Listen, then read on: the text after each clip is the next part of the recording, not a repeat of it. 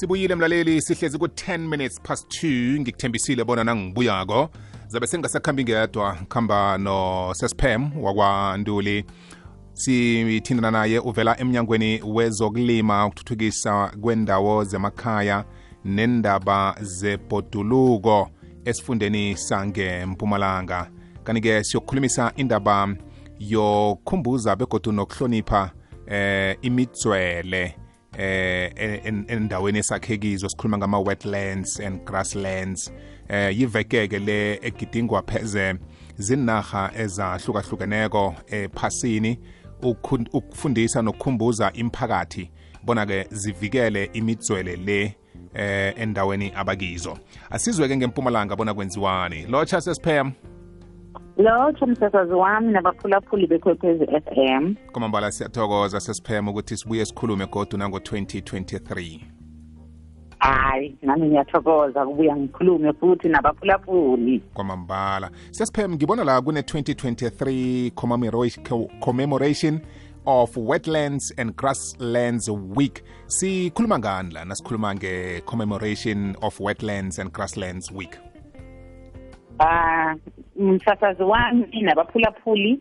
Uma sikhuluma nge-wetland sikhuluma ngemijwele eh lezi ndawo lezi mhlawumbe zinamanzi kodwa ungawaboni ukuthi avelaphi kahle kahle.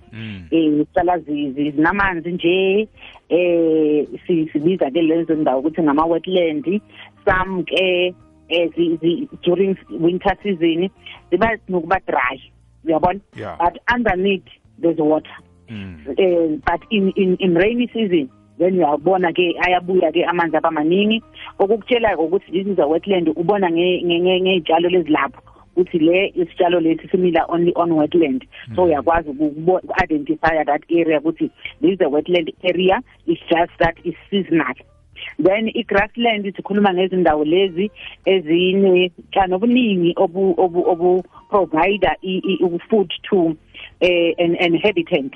To ama animals ethu uh ezinye ilwane uyazazi ihlala phansi kotshani it's a mm. habitat place. Mm. Ezinye ilwane like inkomo zethu utshani so those areas are we are called them grassland. But they are not only benefiting animals mm. they are also benefiting us ama grassland. Eh, Siyabuthola utshani osebenzisa for roof thatching ama wetland are our water source. Lana kugcinwa amanzi khona. Eh, eh they flow underneath to the rivers or to the nearby streams. Awuzukwazi ukubona msasazi easily so but the nature itself yona iyakwazi ukuzenzela. So omunye ngesilungu nje uzothi it's a water factory i-wetland yabona? Or it's a water source. So those are the areas ezinjalo ke esikhuluma ngazo siyimpumalanga province nomhlaba wonke lo. Kwamambala ngibona umongo ekhanjwa phezu kwawo wentshabatshaba wanonyaka ngothi wetlands restoration. Ngamanye amagama la kukhulunywa ngokuvuselela-ke imitswele le nokuyivikela. Mhlambe-ke njengombana singaqala inaha efana nesewula afrika kukaningi sizwa imiphakathi yethu ilila ngokuhloga amanzi njalo njalo. Imitswele inendima engangani eyidlalako ekusizeni ekutheni kube khona amanzi? Eh ngizoqala ngale sicubulo ke se wetland restoration. Ah siyimpumalanga ke si si unique kakhulu ngoba uzobona si si, si celebrate i-twin treasure. Eh i-twin treasure ke sizibiza ngokuthi singamawela because of i-uniqueness yethu of our geographical area. Imijwele yethu le ihlangane kabili. Siba ne-wetland leba ne-grassland at the same time. That you only find in Mpumalanga province. Other provinces is only wetland so that's how unique we are uh, in terms of uh, the nature esinayo empumalanga.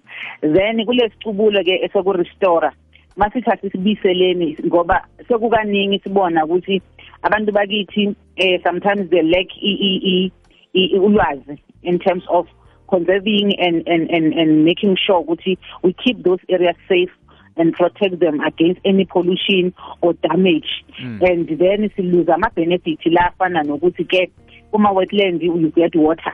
Njengoba ngishilo ukuthi they store water even for dry season then they are able to make the water flow to the rivers and they provide the water for ama other animals that are living in the wetland. Mm. um and food uh, for those uh, um, uh, animals that are, are living there. And they create a nice uh, a beautiful landscape uh, for our environment. Uyabona Yeah. and um izinto ezinjalo. And siqhubeke ke mawubuka igrassland yethu it becomes nalo kulamalanga igrassland siyayidegrade kakhulu. Eh ine kanti ine service enkulu kakhulu ku ecosystem yethu. And we depend on them uyabona?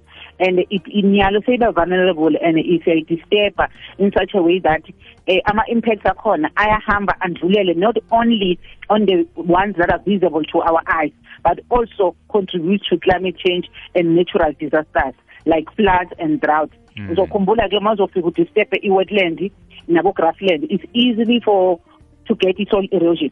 Uyabona lento leyo? Then now that area now is now uh, uh, uh, vulnerable to any other thing and uh, climate change issues uh, you know erupts from there.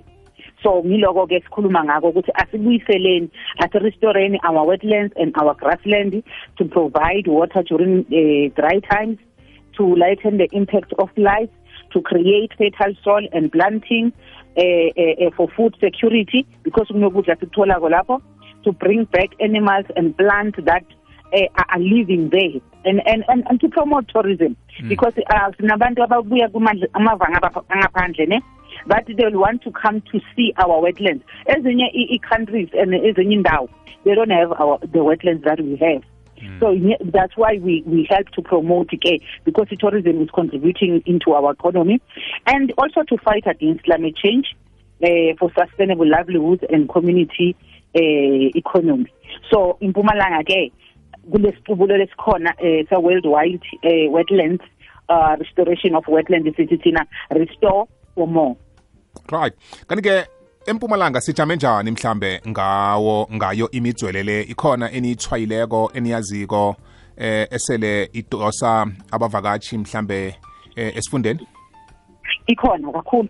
Eh mostly in our areas efana nabo Vakestrom sikhona sine wetland enkulu kakhulu lapha yana eh siyabathumela nabantwana bahamba yenza ama educational um activities um and our tourism um it's a tourism attraction around a, a, a that's that's a very very high place where you get e, e wetlands. Not only that in all the other places but Vakestrom Vakestrom is more popular worldwide not only in South Africa worldwide. So that's that's the, such areas that we are you know saying let's let's protect them. Let's continue to make sure that we keep them uh, into good state uh, for sustainable use um, as, as in Mpumalanga province. Um, currently, as in Mpumalanga province, um, akhona vele amaningi njengoba ngishilo eh njengoba ngibalele i1 eh we have also boma Christmasmere ama wetland uh, amakhulu kakhulu which are also known internationally. We have them around Delmas. We have them around um um what is it area emakhazeni um uh, Dalstrom. Uh, is very, very high also on, on wetlands and grassland. So we protect all of them.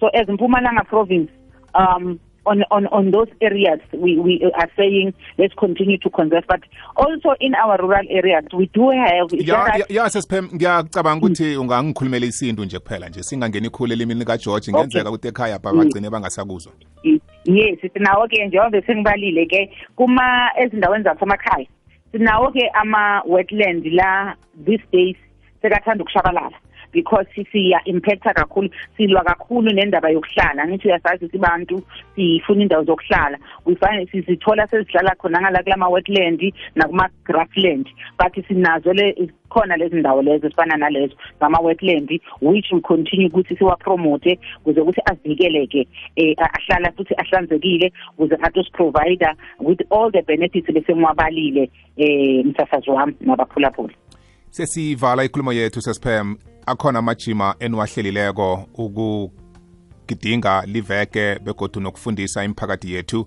eh ngokuvikela eh imitswele yethu nendawo zethu ezinothileko ngo- ngo- ngotshani begodu ke nokuletha inlemukiso zokuthi bangathomi bakhe endaweni ezinemitswele ngoba ekugcineni izindlu zabo ziza kungena amanzi.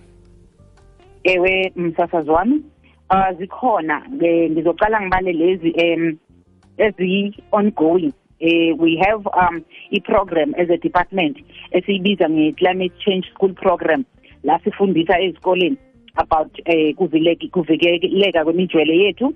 Ah siphinde futhi sichubeke eh siyenze kuma communities that's an ongoing on an annual basis.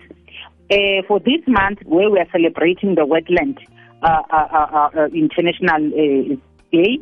We have planned sibekile ke ukuthi besibeke ukuthi sizokwazi ukwenza i-event namuhla to bring awareness nale education sifundise abantu bethu siphinde sibakhumbuze ngokubaluleka nangema eh ya ngokubaluleka nangema benefits esiwatholayo.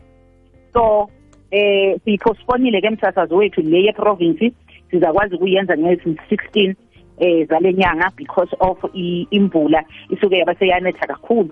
Asizokwazi ukungena lapha eh then kuma districts per district and local municipalities sinama ongoing uh, activities uh, khona kule nyanga le. La la yenzekako whereby sihlangana nezikolo nabo municipality and boma stakeholders ethu lawa asebenza khona ukuthi asincedise phela. Ngoba ngisizukwazi ukusebenza sisodwa. The environment is for us all.